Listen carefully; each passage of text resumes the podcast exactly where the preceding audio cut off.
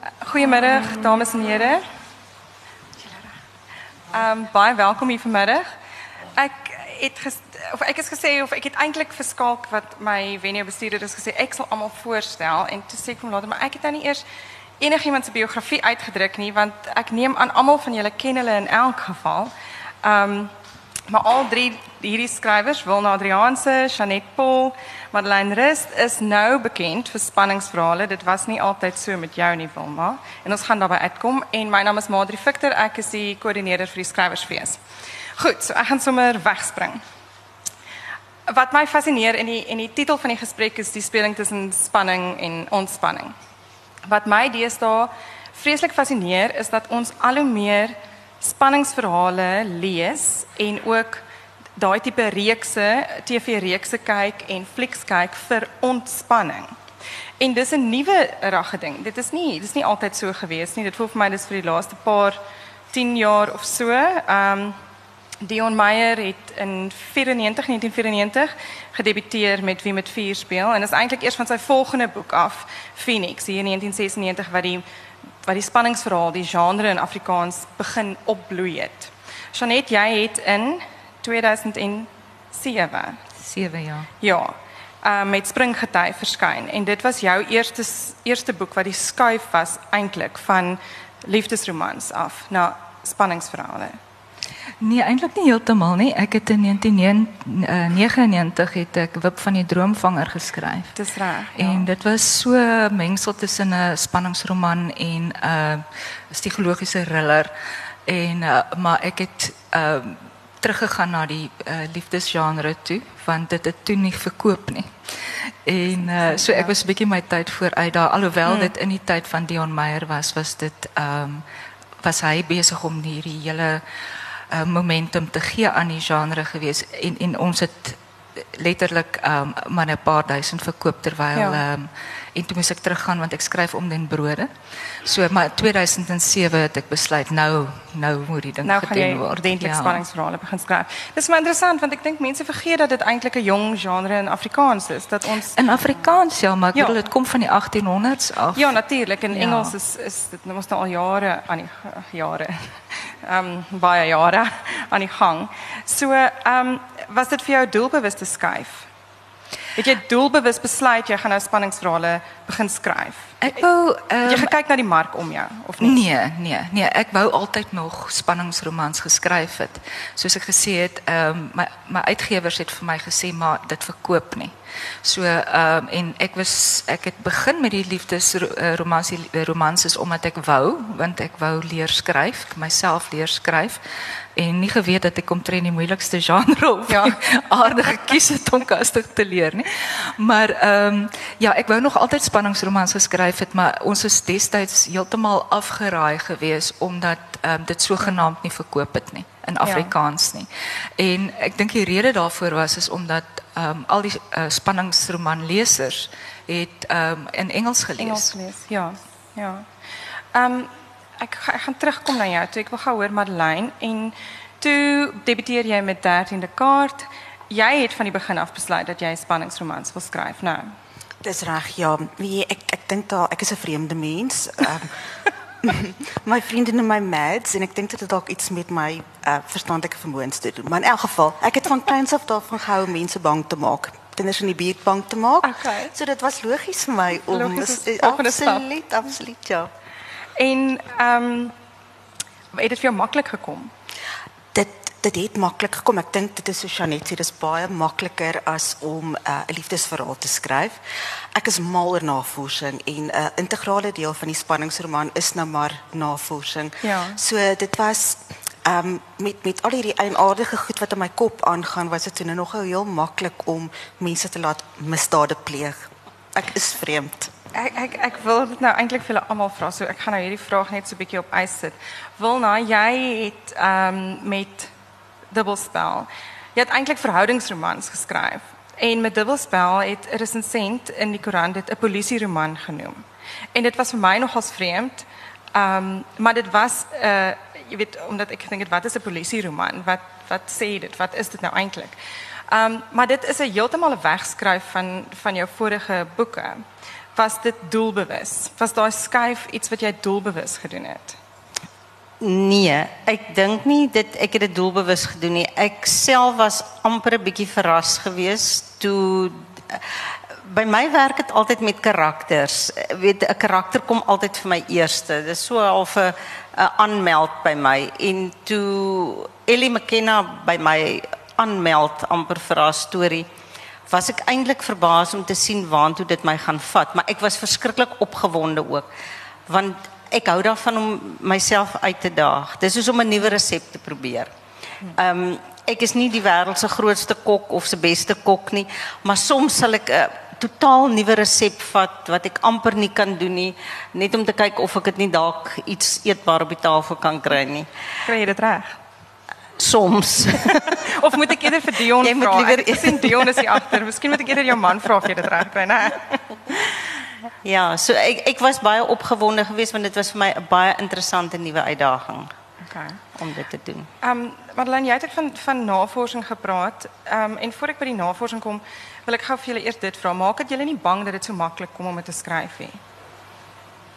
Om om donk om om misdaad te skryf, is dit maak dit julle nie bang nie. As jy so maklik in 'n in 'n misdadiger se kop kan klim nie. Uh, dit maak my nie regtig bang nie want ek weet van kleins af ek is eienaardig. My man kan getuig van die eienaardigheid vermoed ek. maar ehm um, ek weet vir 'n feit my man dink ek is vreemd. Ehm um, en vir hom is dit glad nie snaaks dat ek so maklik in daai genre skryf nie.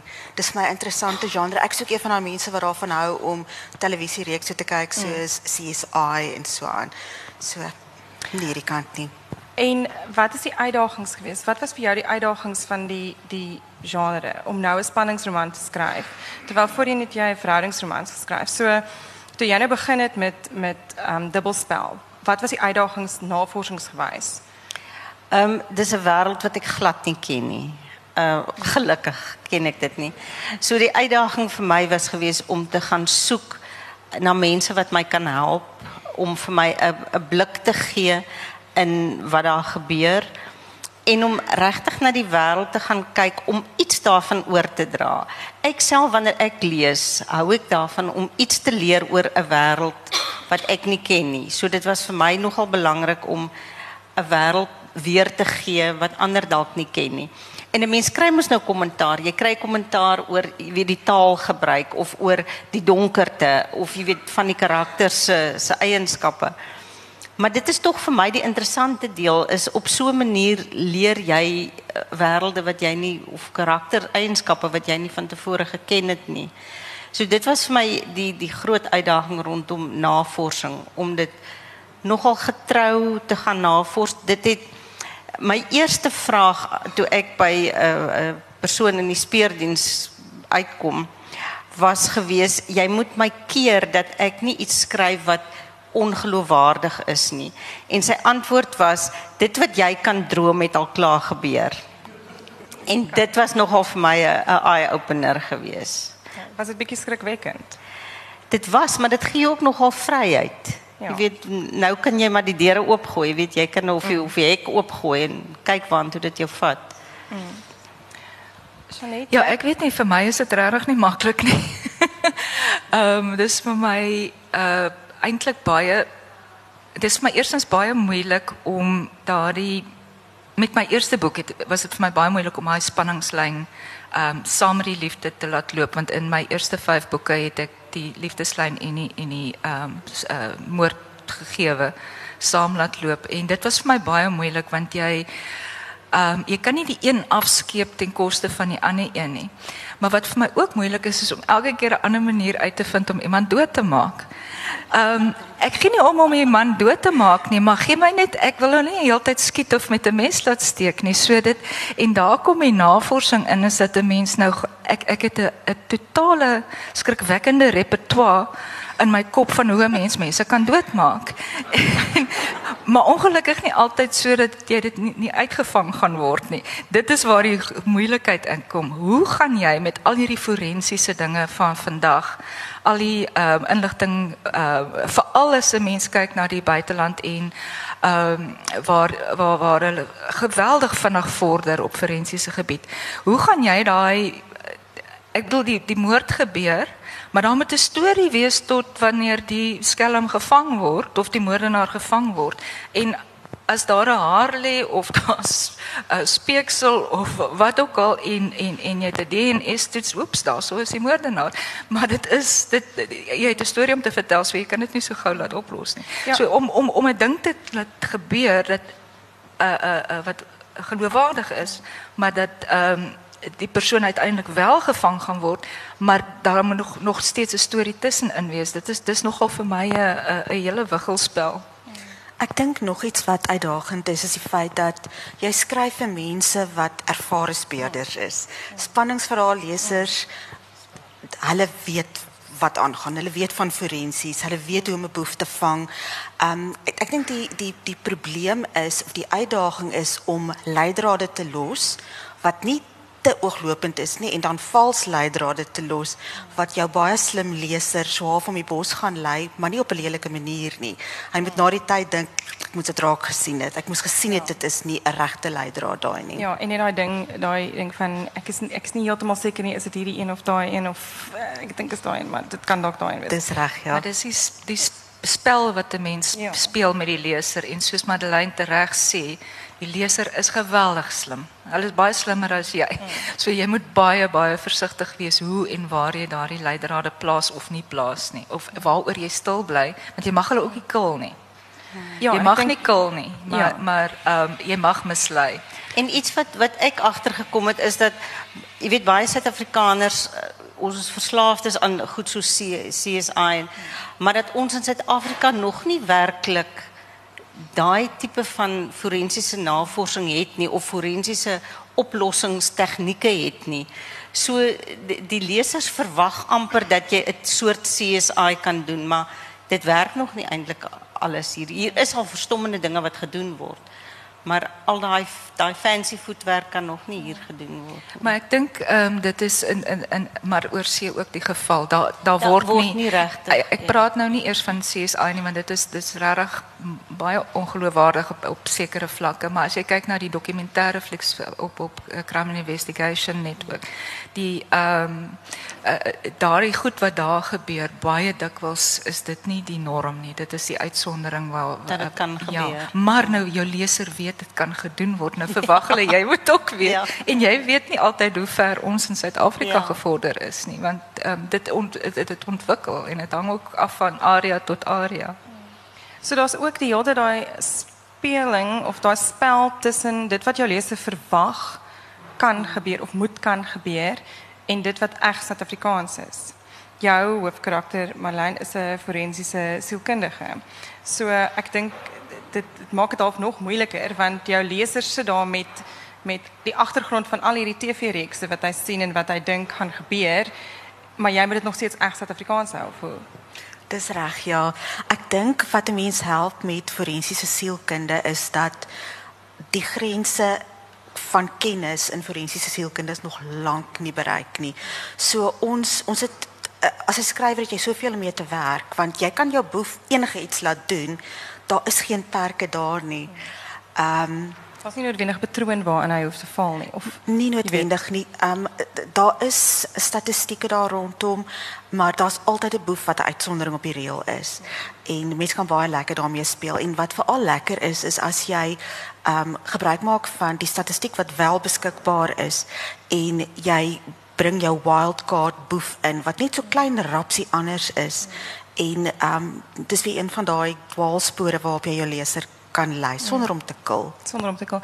Het jou het Janet, jy het nou miskien al die langste, die meeste boeke geskryf. Het jou leser jou al uitgevang? Het het 'n leser al vir jou gesê dit is nie reg nie of daai prosedure was nie reg nie of Wie jy nog nie ek ehm um, nie wat forensiese goed en so aan betref nie, maar ek is ek speel ook baie veilig in in in baie opsigte. Ehm um, ek skryf nie uit die uit die professionele oogpunt nie. My hoofkarakter is 'n gewone vrou, ehm um, soos ek en jy. En maar daar is natuurlik as daar 'n moord is, is daar nou maar speurders. En ek het ek probeer my bes om hulle neuse uit my sake uit te hou, maar ongelukkig kom hulle maar altyd tussenin. En ehm um, so dit is vir my half 'n sekondêre ding. Jy weet die die ehm um, hoofkarakter hoor by die polisie persoon dit is sy is nie die ondersoeker nie. So Ja. ek aan die een kant is dit seker miskien bietjie kroek, maar dit is baie tipies aan die aan die soort ehm genre wat ek skryf is dat dit nie dit gaan nie dis nie 'n speurroman nie, dit is nie 'n polisieroman nie. Dit is 'n 'n 'n 'n roman oor die vrou ehm wat dan nou in aanraking kom met die misdaad. So ek ek kan so 'n bietjie hoekie speel daarso, maar Ja. ehm ek is al wel uitgevang op op ouderdomme wat nie heeltemal geklop het nie. Goed, Daai goed gebeur baie maklik.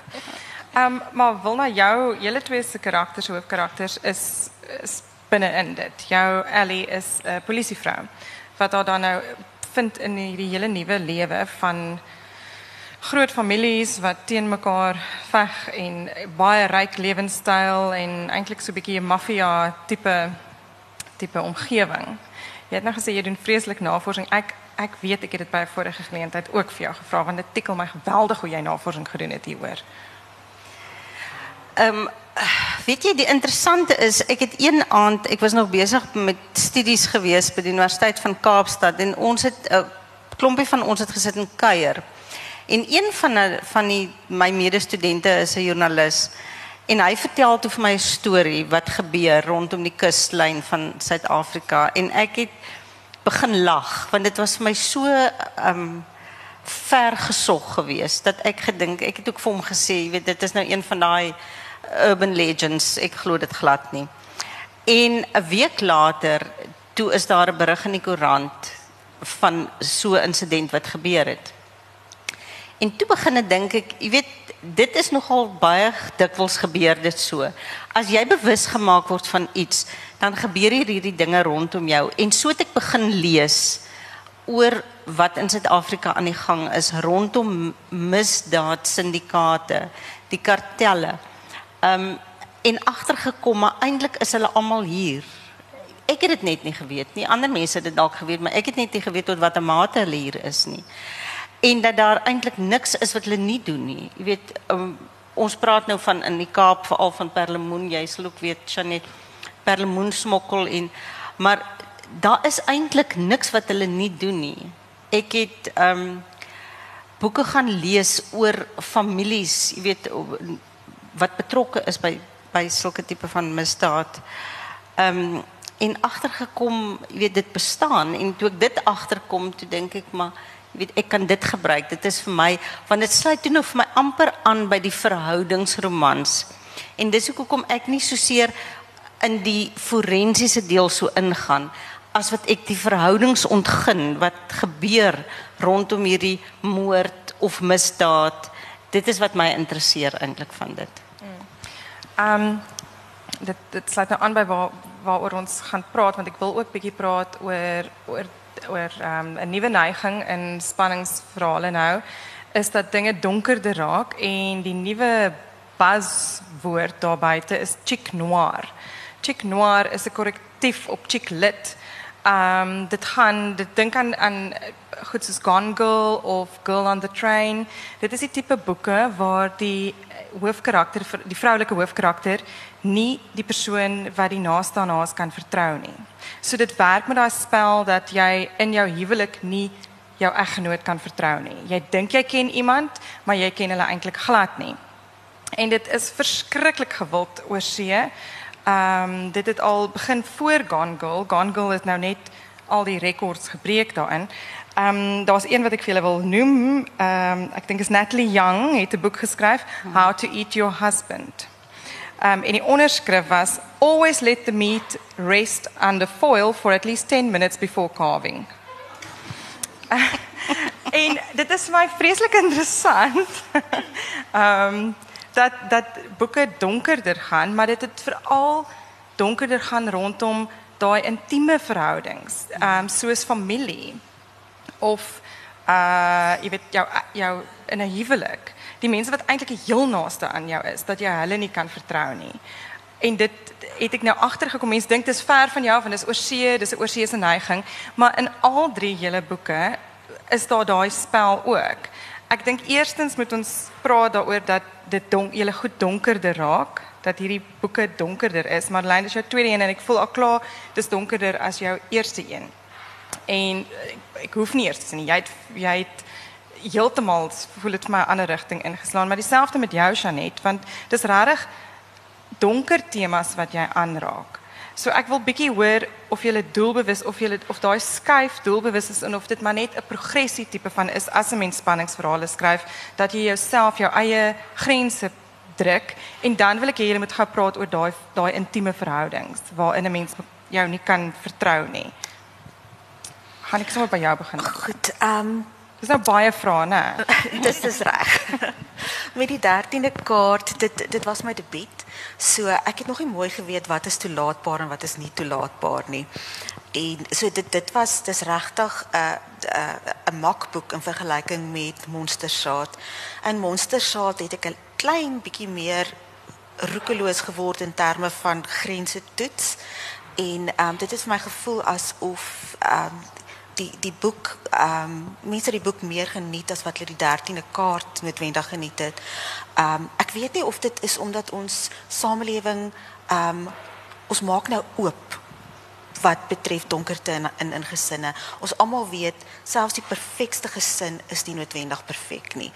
En ehm um, dit het in albei die boeke na vore gekom. Uh, in Monstersaad gaan dit oor die genetiese komponent van van ehm um, sosiopatie byvoorbeeld. Ehm um, en dit is hierdie karakter kan haarself nie vertrou nie. En nader as dit kan jy sekerlik nie kom nie. Maar ek dink hierdie donkerte raak waarskynlik meer gewild omdat dit 'n absolute refleksie is van die werklikheid. Miskien moet ek nou gou eers 'n stapie terugvat. Miskien moet jy vir mense, ek neem aan almal van julle het nog nie Monstersaad gelees nie. So miskien moet jy gou vertel waaroor die boek gaan, waaroor die storie gaan. Die storie gaan oor uh, Renata Malan wat 'n forensiese sielkundige is. En hierdie arme vrou het 'n tragiese verlede. Haar pa se moordenaar en haar oupa se van moordenaar 'n uh, moordenaar en terug in haar stamboek is daar nog moordenaars. En hierdie vrou doen navorsing oor die oorsprong van sosiopatie. En daar het ek baie lekker gespeel met die ou debat van nature of nurture. En die hoofkarakter glo in die die nature teorie. En ek het gaan oplees oor uh, die die biolog, biologiese oorsprong van boosheid en daar's baie um, data wat sê byvoorbeeld in in tweelingstudies dat daar wel 'n biologiese komponent is aan iets soos sosiopatie. So in Monstersaad is die hoofkarakter die hele tyd in stryd nie net met 'n boef nie, maar ook met die donkerte wat in haar skuil. Uh, sy's doodbang dat hierdie donkerte op een of ander stadium gaan ontsnap en dat sy net so boef gaan word soos wat haar familie is. Al wat sy nodig het is 'n sneller. Dit was baie interessante navorsing. Ek het dit baie interessant gevind. Daar's 'n stukkie oor linkshandigheid ook, né? Nee.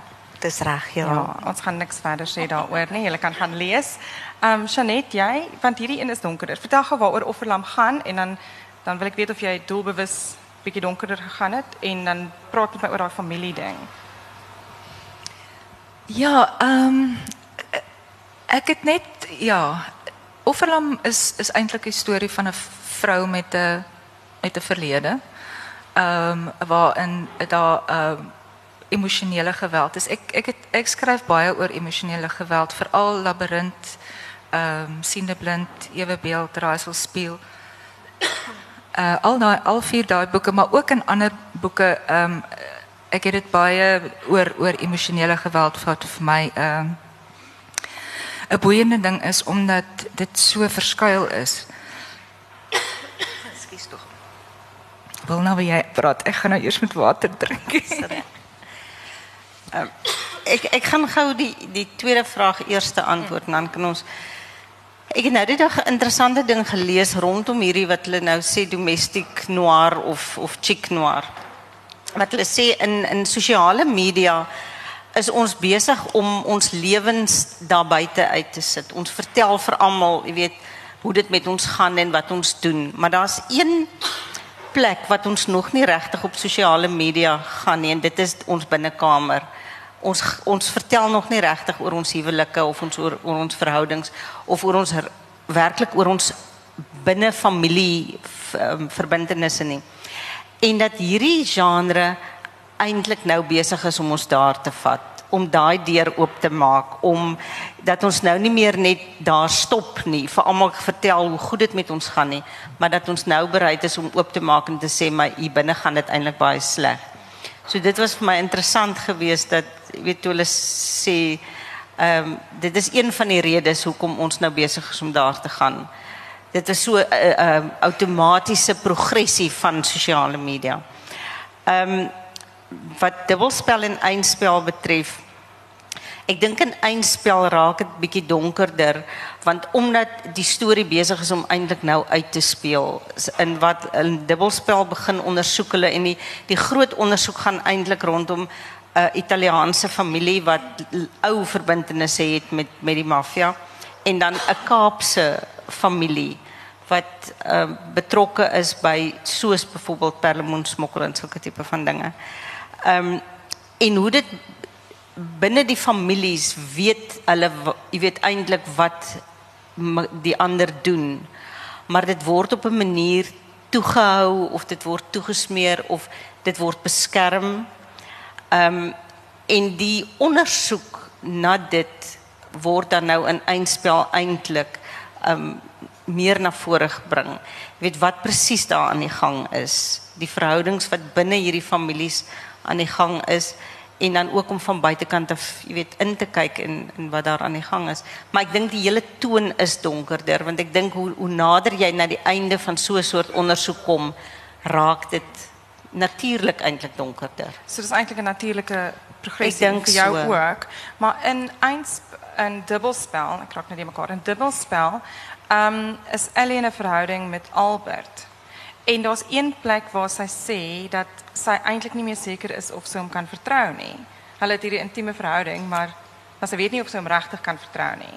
So jy jy begin al eintlik in in dubbelspel daarmee speel met dieselfde tema wat nou jy weet gewild is oor see. Ja, ek dink dit was nie, jy weet 'n bewustelike ding nie, maar ek het een keer gelees um, oor 'n joernalis, sy het 'n baba gehad. En toe vra hulle vir weet of die baba se pa en sy getroud is. Toe sê sy nee, hy is glad nie troumateriaal nie. En dit het my nogal laat dink aan die hele ding dat jy, weet 'n baba gehad het, maar sy het hom eintlik nie vertrou om die pad verder met hom te loop nie. So toe ek hier, dit geskryf het in dubbelspel het dit my ter, terug laat dink en ek wonder of die saadjie nie daar gesaai is van jy kan 'n verhouding met iemand hê al is jy nie altyd seker oor jy weet of jy die persoon nog kan vertrou nie. En Janet want in jou in Offerlam is die familie ook nie te vertrou nie. Ja, so jy moet nou net sê waar die boek gaan en dan daar's twee eintlik twee situasies, twee gesinne wat um, aan die een kant duif en sy oupa wat lyk asof dit baie goed gaan, maar wat ook nie eintlik waar mense mekaar eintlik ook nie kan vertrou nie en aan die ander kant Cass natuurlik. Ja, ehm um, in die vorige vier boeke gespeel het met met geweld te, uh, van 'n man teenoor 'n vrou, het ek hier ehm is hier ook natuurlik ehm um, geweld, maar daar is uh, of gender geweld.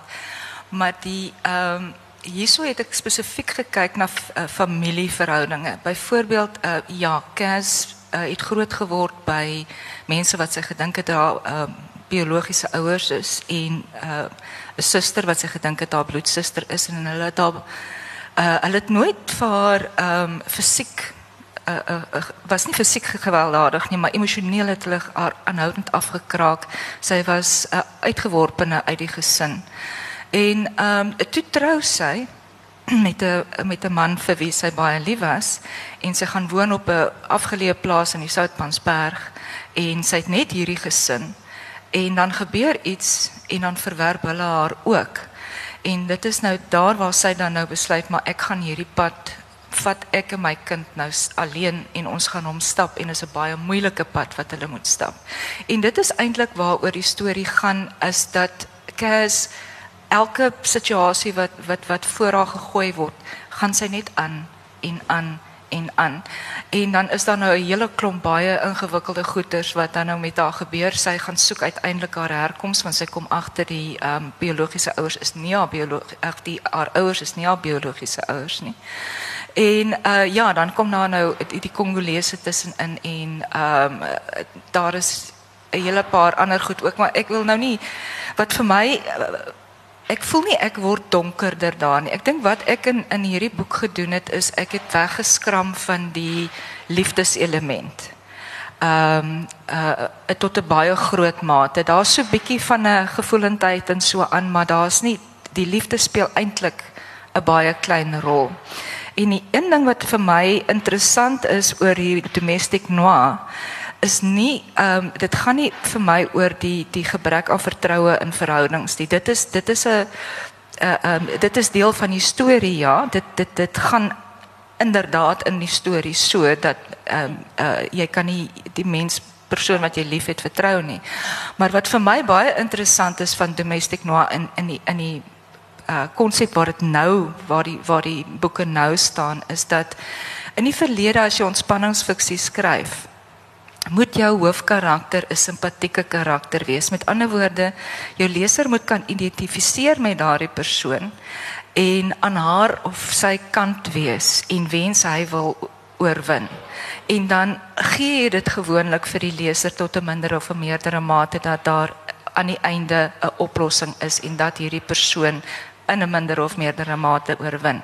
Nou met domestic noir het jy 'n onsimpatieke karakter. So jou jou skrywer verwag van jou om te identifiseer met iemand met wie jy normaalweg glad nie kan identifiseer. Ja, iemand van wie jy eintlik nie hou. En dit is wat vir my interessant is van domestic mm. noir is dat dat dat daai hele ding omgegooi word. As jy nou kyk na Gillian Flynn se Gone Girl, mm. jy kan nie die man of die vrou verduur nie. Mm. Maar wanneer jy in die een se in die een se kop is, dan sien jy amper so 'n bietjie aan sy kant as jy in die Amy se kop is, dan is jy eintlik so bietjie aan haar kant en dan op die ou en ou einde dan kan jy kom jy agter maar albei is ewe onguur. Mm. So dit is wat vir my interessant is van domestic maar en ek weet nie of ek daai ding kan doen nie. Ek mm. ek wil nog steeds van my eie uh hoofkarakters mm. kan hou. Ek dink nie ek sal daai daai ding kan doen nie. Marlene, sou jy dit doen?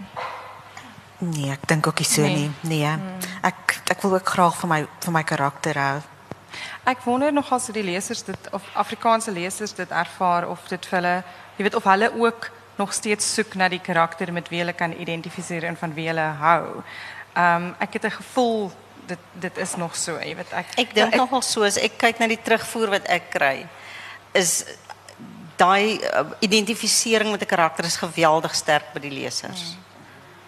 Dit miskien nie oor alles van jou karakter nie. Al die karaktereienskappe is nie noodwendig altyd maklik verteerbaar nie. Maar dit is, dit bly vir hulle lekker om 'n karakter te hê wat hulle met die pad kan saamloop. En wat hulle kan vertrou. En wat hulle kan vertrou, ja. En wat hierdie uh, domestic noir ook doen is ehm um, kyk uh, uh, spesifiek spanningsfiksie staan bekend daarvoor. Ek dink dit was P.D. James wat gesê het dit uh, herstel die orde. Terwyl jy dit lees, herstel dit die orde al al sien jy om jou ehm um, dit's anders. Mm in die storie word die orde herstel met ander woorde die die goeie ehm um, oorwin die ja. bose. Nou in domestic noir gebruik gewoorde gebeur dit nie. Ehm um, dit is dit is eintlik 'n paar bosehede wat bymekaar kom en 'n uiteinde het, maar dat, maar daar is nie uh, in die storie 'n orde wat herstel word nie. Ek dink by die leser word 'n orde herstel in die in die sin van dankie Gode, ek is nie so nie. Ek is dan 'n beter mens as dit. Ek dink in daai sin kan jy miskien bietjie nou, maar ek weet nie of ons in Suid-Afrika spesifiek waar ons ons orde so ongeorden is. Hmm in die werklikheid of ons gereed is om boeke te skryf of te lees. Ek glo mense kan dit skryf en lees. Hmm. Is net ek weet nie of ek dit wil skryf om dan daai daai daai um disorder um hmm. nog verder te vat na jou fiksie toe en dit as 'n uiteinde te maak ja. ook nie. Ek ek dit dit sal vir my te erg wees. Hmm. Marlene, hoe dink hoe voel jy? Ek stem definitief saam. Ek dink um baie mense lees spanningsfiksie omdat hulle weet lig gaan oorwin teenoor duisternis. Hulle weet die boef gaan gevang word. Dit hang net af hoe die boef gevang gaan word en hoeveel bloed verspil gaan word op pad soontoe. Maar ek dink hulle wil 'n einde hê waar lig duisternis oorwin. Ehm um, en hoe dan nou gemaak ehm um, as 'n mens met jou karakter aangaan.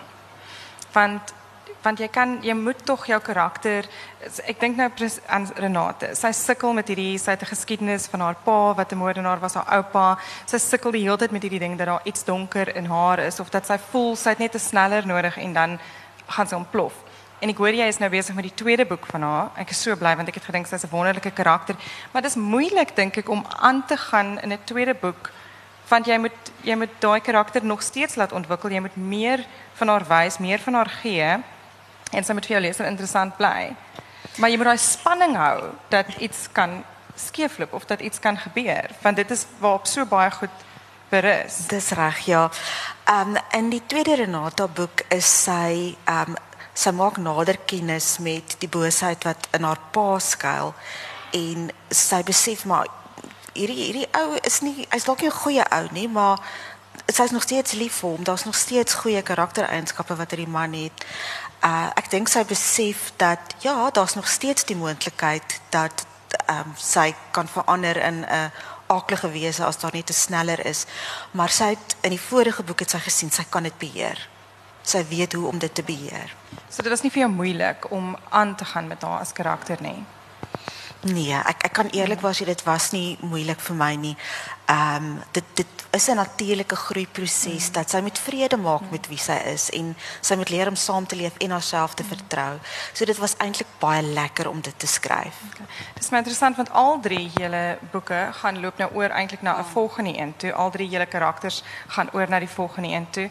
Ehm um, ek weet wel nou dat jy op 'n stadium vir my gesê het dat dat jy eintlik eers gedink het aan eindspel en toe dubbelspel moes skryf om by eindspel uit te kom. Ja. So het jy jou karakter so beplan of of met die tweede boek se skryf was dit vir jou moeilik om aan te gaan met haar. Jy weet was al goed, het jy gevoel jy het jou partykeer vasgeskryf of dis dan moet nou iets met haar gebeur. Ek dink omdat eindspel eintlik eers gekom het, jy weet, en toe ek besef maar die die agterstorie is te groot. Ek moet vir dubbelspel skryf om by eindspel uit te kom um, was dit nie vir my so moeilik geweest nie. Dis moeilik in die sin van jy moet kop hou. Jy weet jy die een kan nou nie in die een brein oë en dan skielik blou oë in die volgende boek nie. Maar wat vir my interessant is met eindspel is toe ek agterkom hoe hoe Ellie veral Ellie um, en dan ook eintlik tot 'n mate die die manlike hoofkarakter Nick. Hoe hulle in hierdie amper bose wêreld wat wat hulle ondersoek en wat hulle deel van nou is amper in hulle lewe. In in dubbelspel het hulle nog vir my 'n mate van ehm um, wit en swart gehad wat is goed en wat is sleg. Maar soos hulle ook nou die die ander karakters beter leer ken, raak daai grens amper vir my vaar. Mm. En betrap hulle hulle self dat hulle amper soms kan uh, empatie hê met die mense ja. wat hulle ondersoek. En dit is vir my baie interessant. Dit vat vir my nou uh, nou is ek bly dat ek hulle weer kon skryf om daai pad ook met hulle te kan loop want dit is vir my 'n interessante pad om daar om te ervaar hoe jy soms oor daai grens kan trap. Hmm, maar dis nie iets wat jy beplan het nie. Dit is ja, iets wat gebeur wat gebeur soos wat jy skryf, ja. ja. Ehm um, Janette het net al genoem dat dat die liefdesverhaal lyn vir jou nie so belangrik was nie en wil nou in jou in in um, dubbelspel eindig sy ook nie aan die einde. Jy weet mense verwag so half dat sy gaan gelukkig in die liefde wees. Of sy gaan ten minste iemand vind vir wie sy kan lief wees of wat vir haar lief is en iets gaan gelukkig eindig. Maar dit het ook nie by jou so gewerk by jou eerste boek nie. Is dit doelbewus? Was dit het jy het jy daai skuif gemaak sodat jy kan aangaan? Want dis natuurlik 'n mate van 'n oplossing ek, of Ek dink dit sou kunsmatig gewees het om haar skielik mm. nou in iemand anders of in iemand se arms, mm. maak nie saak wie se arms te sit nie. Daar te veel gebeur, daar was mm. te veel trauma gewees. Ehm um, ek dink net nie enige karakter was nou gereed om skielik nog 'n liefdesverhouding bo alles wat hulle moes doen nog 'n liefdesverhouding ook aan die gang te hou. Was die energie daarvoor ook nie? Ehm um, Janet, um, dit het my opgeval van Offerlam dat dit nie so geëindig het. Jy weet dat dit dat dit so 'n oop einde amper was. 'n Mens wag vir die volgende een. Dit is die eerste van jou boeke wat vir my so die einde was my so oop dat ek gedink het nou moes die tweede een eintlik al daar gewees het want ek wil eintlik nou aanlees. ja, ek uh, om die waarheid te sê, hy was nog oper en ehm um, toe het 'n redakteur vir my gesê nee, kan dit nie aan jou leser doen nie. of was dit jy gewees wil? Nou iemand het vir my gesê, kan dit nie aan jou leser doen nie. Daar moet darm so bietjie iets wees om darm te sê, maar jy weet Luke en Cass het nou jy weet daar is Daarom, daar's dalk moontlikhede. Miskien moontlik. En die snaakste ding is nou dat ek die tweede boek skryf. Nou nou sit ek met daardie ding wat ek toe nou gedoen het. Nou moet ek aangaan. Nou het daar meer liefde weer ingekom, Hmm. maar ehm um, ek probeer om te veel goed te laat gebeur sodat ek nie by die liefde hoef uit te kom nie. Ek het ek wou Hoekom? net ek wou net dis vir my 'n uitdaging um, om 'n boek te skryf waarin die liefde regtig 'n baie klein rol speel. Want ehm um, dit gaan vir my regtig hier oor 'n vrou se reis en ehm um, die man is uh, die vrou se reis is nie noodwendig dat dat, dat sy altyd en ewig gelukkig hoef getroud te wees nie. En ehm um, dis nie Cass se reis nie. Sy's nie die soort persoon nie en hulle is eintlik ehm um, hulle het hulle het baie in gemeen. Maar daar's ook geweldig baie verskille tussen hulle. Ek bedoel hy is 'n Europeër, sy is van Afrika en sy voel haar baie gebonde aan Afrika. Ehm um, uh hy is 'n professor in in in in eie tyd se geskiedenis en sy's 'n vertaler. Ehm um, maar dit is ek bedoel dis twee kontinente van mekaar af.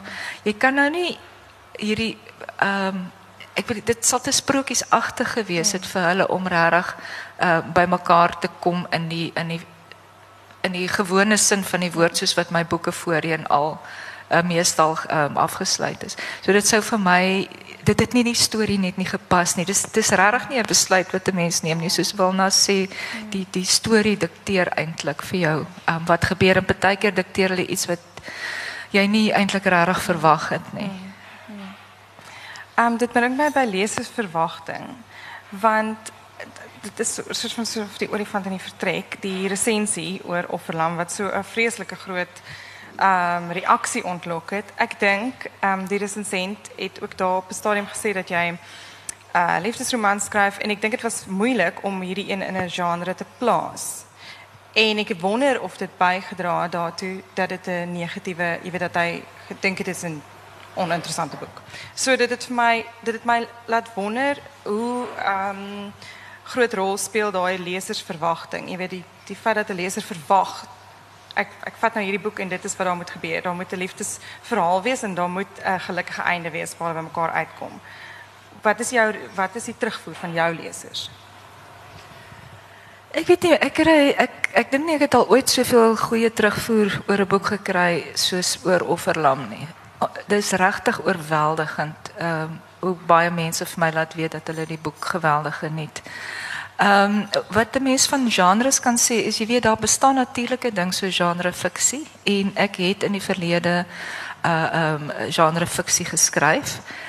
Uh ek hou daarvan om genres te meng en ek sien dit ook internasionaal is dit nogal iets wat ehm um, baie sterker na vore kom is om genres te meng en te skakeer, in mekaar in te laat skakeer.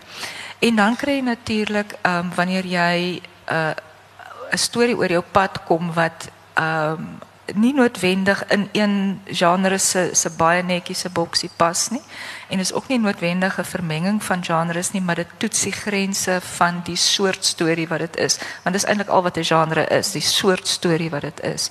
So ek het 'n misdaad wat wat uh, um, gepleeg word. Ek het uh, verhoudings tussen uh, families en mense. Ehm um, ek het 'n uh, uh, 'n uh, spanningslyn oor die die uh Kongolese wat agter Cass aan is, die redes hoekom hulle agter haar aan is, al daardie tipe van goed. Ek dink dit sou net uh te veel gewees het om om nog die liefdeslyn daarby te sit en die boek toets toets die leser tot 'n sekere mate. Um maar my lesers um behalwe nou vir die resensent het die toets baie goed geslaag. Ja. Ehm um, ek het nog ek het nog 'n klomp vrae, maar ek sien ons tyd al is in, so ek wonder is daar vrae in die gehoor? Is daar iemand wat iets wil vra? Ja, daar is agter 'n vraag. um, of ons spesifiek vir mans of vroue oorwegend probeer skryf. Ehm um, dis 'n vraag wat ek vir myself al in die verlede baie dikwels gevra het en my antwoord het eintlik gekom eendag toe ek gaan kyk na terugvoer wat ek gekry het ehm um, oor boeke en ek het besef dat die jongste leser wat vir my terugvoer gegee het was 'n meisie van 16 En die oudste persoon wat vir my terugvoer gegee het oor 'n boek was 'n 'n Vrystaatse boer wat op daai stadium 92 was. En ek het besef dit is verskriklik moeilik om te skryf met 'n leser in jou kop. Jy, jy weet mense gaan na boekpraatjies toe en jy jy sien wie daar is en wie opdaag en maar uh, ek dink net nie almal gee terugvoer nie. So daai was vir my persoonlik uh, nogal 'n interessante ding om agter te kom dat jy nooit regtig weet vir wie jy skryf nie.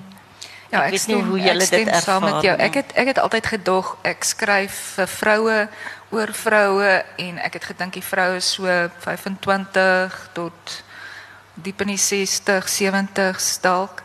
En dit is ek het nou klomp mans wat my boeke lees. Ehm um, ek dink hoekom daar meer dames is hierso uh, uh, en hoekom daar meer vroue boeke uh, koop is dat vroue oor die algemeen internasionaal lees meer as mans. So ehm um, maar dit is nie te sê dat uh jy weet daar is baie mans wat natuurlik ook baie lees, maar dit is nou maar net 'n fenomeen fenomeen wat wat wat geïdentifiseer is is dat hulle ehm um, dat vroue meer uh, boeke koop en en ook meer boeke lees. Maar nee, ek ek deesdae skryf ek glad nie meer vir 'n teiken uh leser nie. Ehm um, ek skryf wat ek dink dit is miskien 'n bietjie bietjie van 'n leen. Ek skryf vir iemand wat wat van dieselfde soort stories hou as ek. Maar ek sal nie noodwendig vir daardie persoon wat in my kop is luister nie. Ek luister meer vir my karakters as vir as vir die die waarskynlike leser. Marlene, ervaar jy dit ook so? Ja, absoluut. Ehm um, my karakters volg hulle eie koppe. Hulle doen presies wat hulle wil. So ek moet eerlikwaar sê ek ek hou nie 'n waarskynlike leser in gedagte nie ehm uh, my karakters ook nie. Hulle het nie 'n saak nie. Hulle doen net hulle eie ding. Is daar daar's nog 'n vraag? Wanneer verskyn eindspel? Ehm um, eindspel is is uh, ek en eindspel en my my halfstukkende been is in die laaste pylvak, beloof ek nou.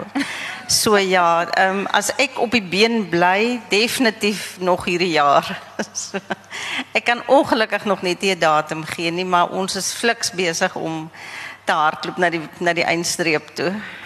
In plaas van 'n volgende vraag, wil julle die proloog hoor van eindspel? Gaan jy die proloog lees? Kan jy maar lees of wil jy eerder 'n vraag vra? Die proloog is te kort, wie die eerste deel van die eerste hoofstuk dan. Dit begin eintlik heeltemal anders as wat die vorige boek afgesluit het. Mens kan amper nie glo dat dit hier begin nie. Ellie gewaar hulle in die triespeeltjie langs die orgel, die oomblik toe hulle die kerk inkom. Sy herken hulle sonder dat sy hulle ooit gesien het. 'n Oomblik lank is dit asof haar lyf ontspan. Onbewustelik het sy dalk tog verwag dat iemand haar op 'n stadium sal kom soek. Sy kyk hoe albei jong mans hulle sonbrille teen hulle voorkoppe opskuif, rondkyk en dan in die agterste bank gaan sit. Marius steek vas of hy asof hy sy woorde vergeet het, maar gaan dan voort met 'n laaste boodskap. Daarna kondig hy die slotgesang aan. Die orgelpype voor haar teen die muur begin blaas voor die eerste klanke deur die kerk opklink. Die gemeente se stemme en die musiek ontmoet mekaar erns agter haar. Sy hou die twee jong mans in die speeltjie dop terwyl sy speel. Sy dink aan die afgelope maand se nuusberigte. 'n Vrag perlemoen wat op die N1 onderskep is, 'n twee vermeende renosterstropers in 'n popo doodgeskiet, 'n skietery by 'n dwelmbaas se huis op die Kaapse vlakte, polisiehoof in hegtenis geneem, 'n ander een word ondersoek, die gewone weeklikse sirkus. Die twee jong mans staan saam met die ander mense, maar sing nie. Die een kyk rond en dit lyk of die ander een 'n selfoon in sy hand het. Hulle lyk jonk genoeg om selfvertroue uit te straal. Sy voel die ou nuuskierigheid in haar roer, oorweeg dit 'n oomblik lank om hulle huis toe te nooi. Sy onderdruk egter die gevoel terwyl sy die laaste note speel. Marius spreek die seën uit, die gemeente antwoord met 'n laaste amen voor hulle uitstap. Die twee agter in die kerk kyk nou openlik na haar en sy skakel die orgel af en maak dit toe. Met haar handsak oor die skouer begin sy die trappies van die orgelgalery klim. Toe sy skrams omkyk, sien sy hulle omdraai en by die kerk se voordeur uitstap. Sy kyk op haar horlosie. As hulle draf, het sy ongeveer 'n half minuut. As hulle stap, op die meeste 2. Sy draf onder toe af en toe sy buite kom, koes sy agter die eerste ry struike weg.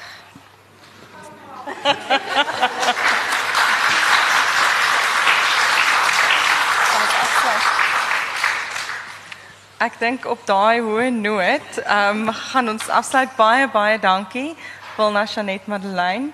Ehm um, die boeke is daar agter te koop behalwe nou hierdie een wat sy nou nog moet klaarmaak. maar ehm um, Offerlam, uh, Dubbelspel en Monstersaad is daar agter te koop en hulle sal ook die boeke vir julle teken. So ondersteun hulle. Baie dankie vir julle dat julle gekom het en dat julle so lekker met ons gesels het. Dankie. Dankie Madre.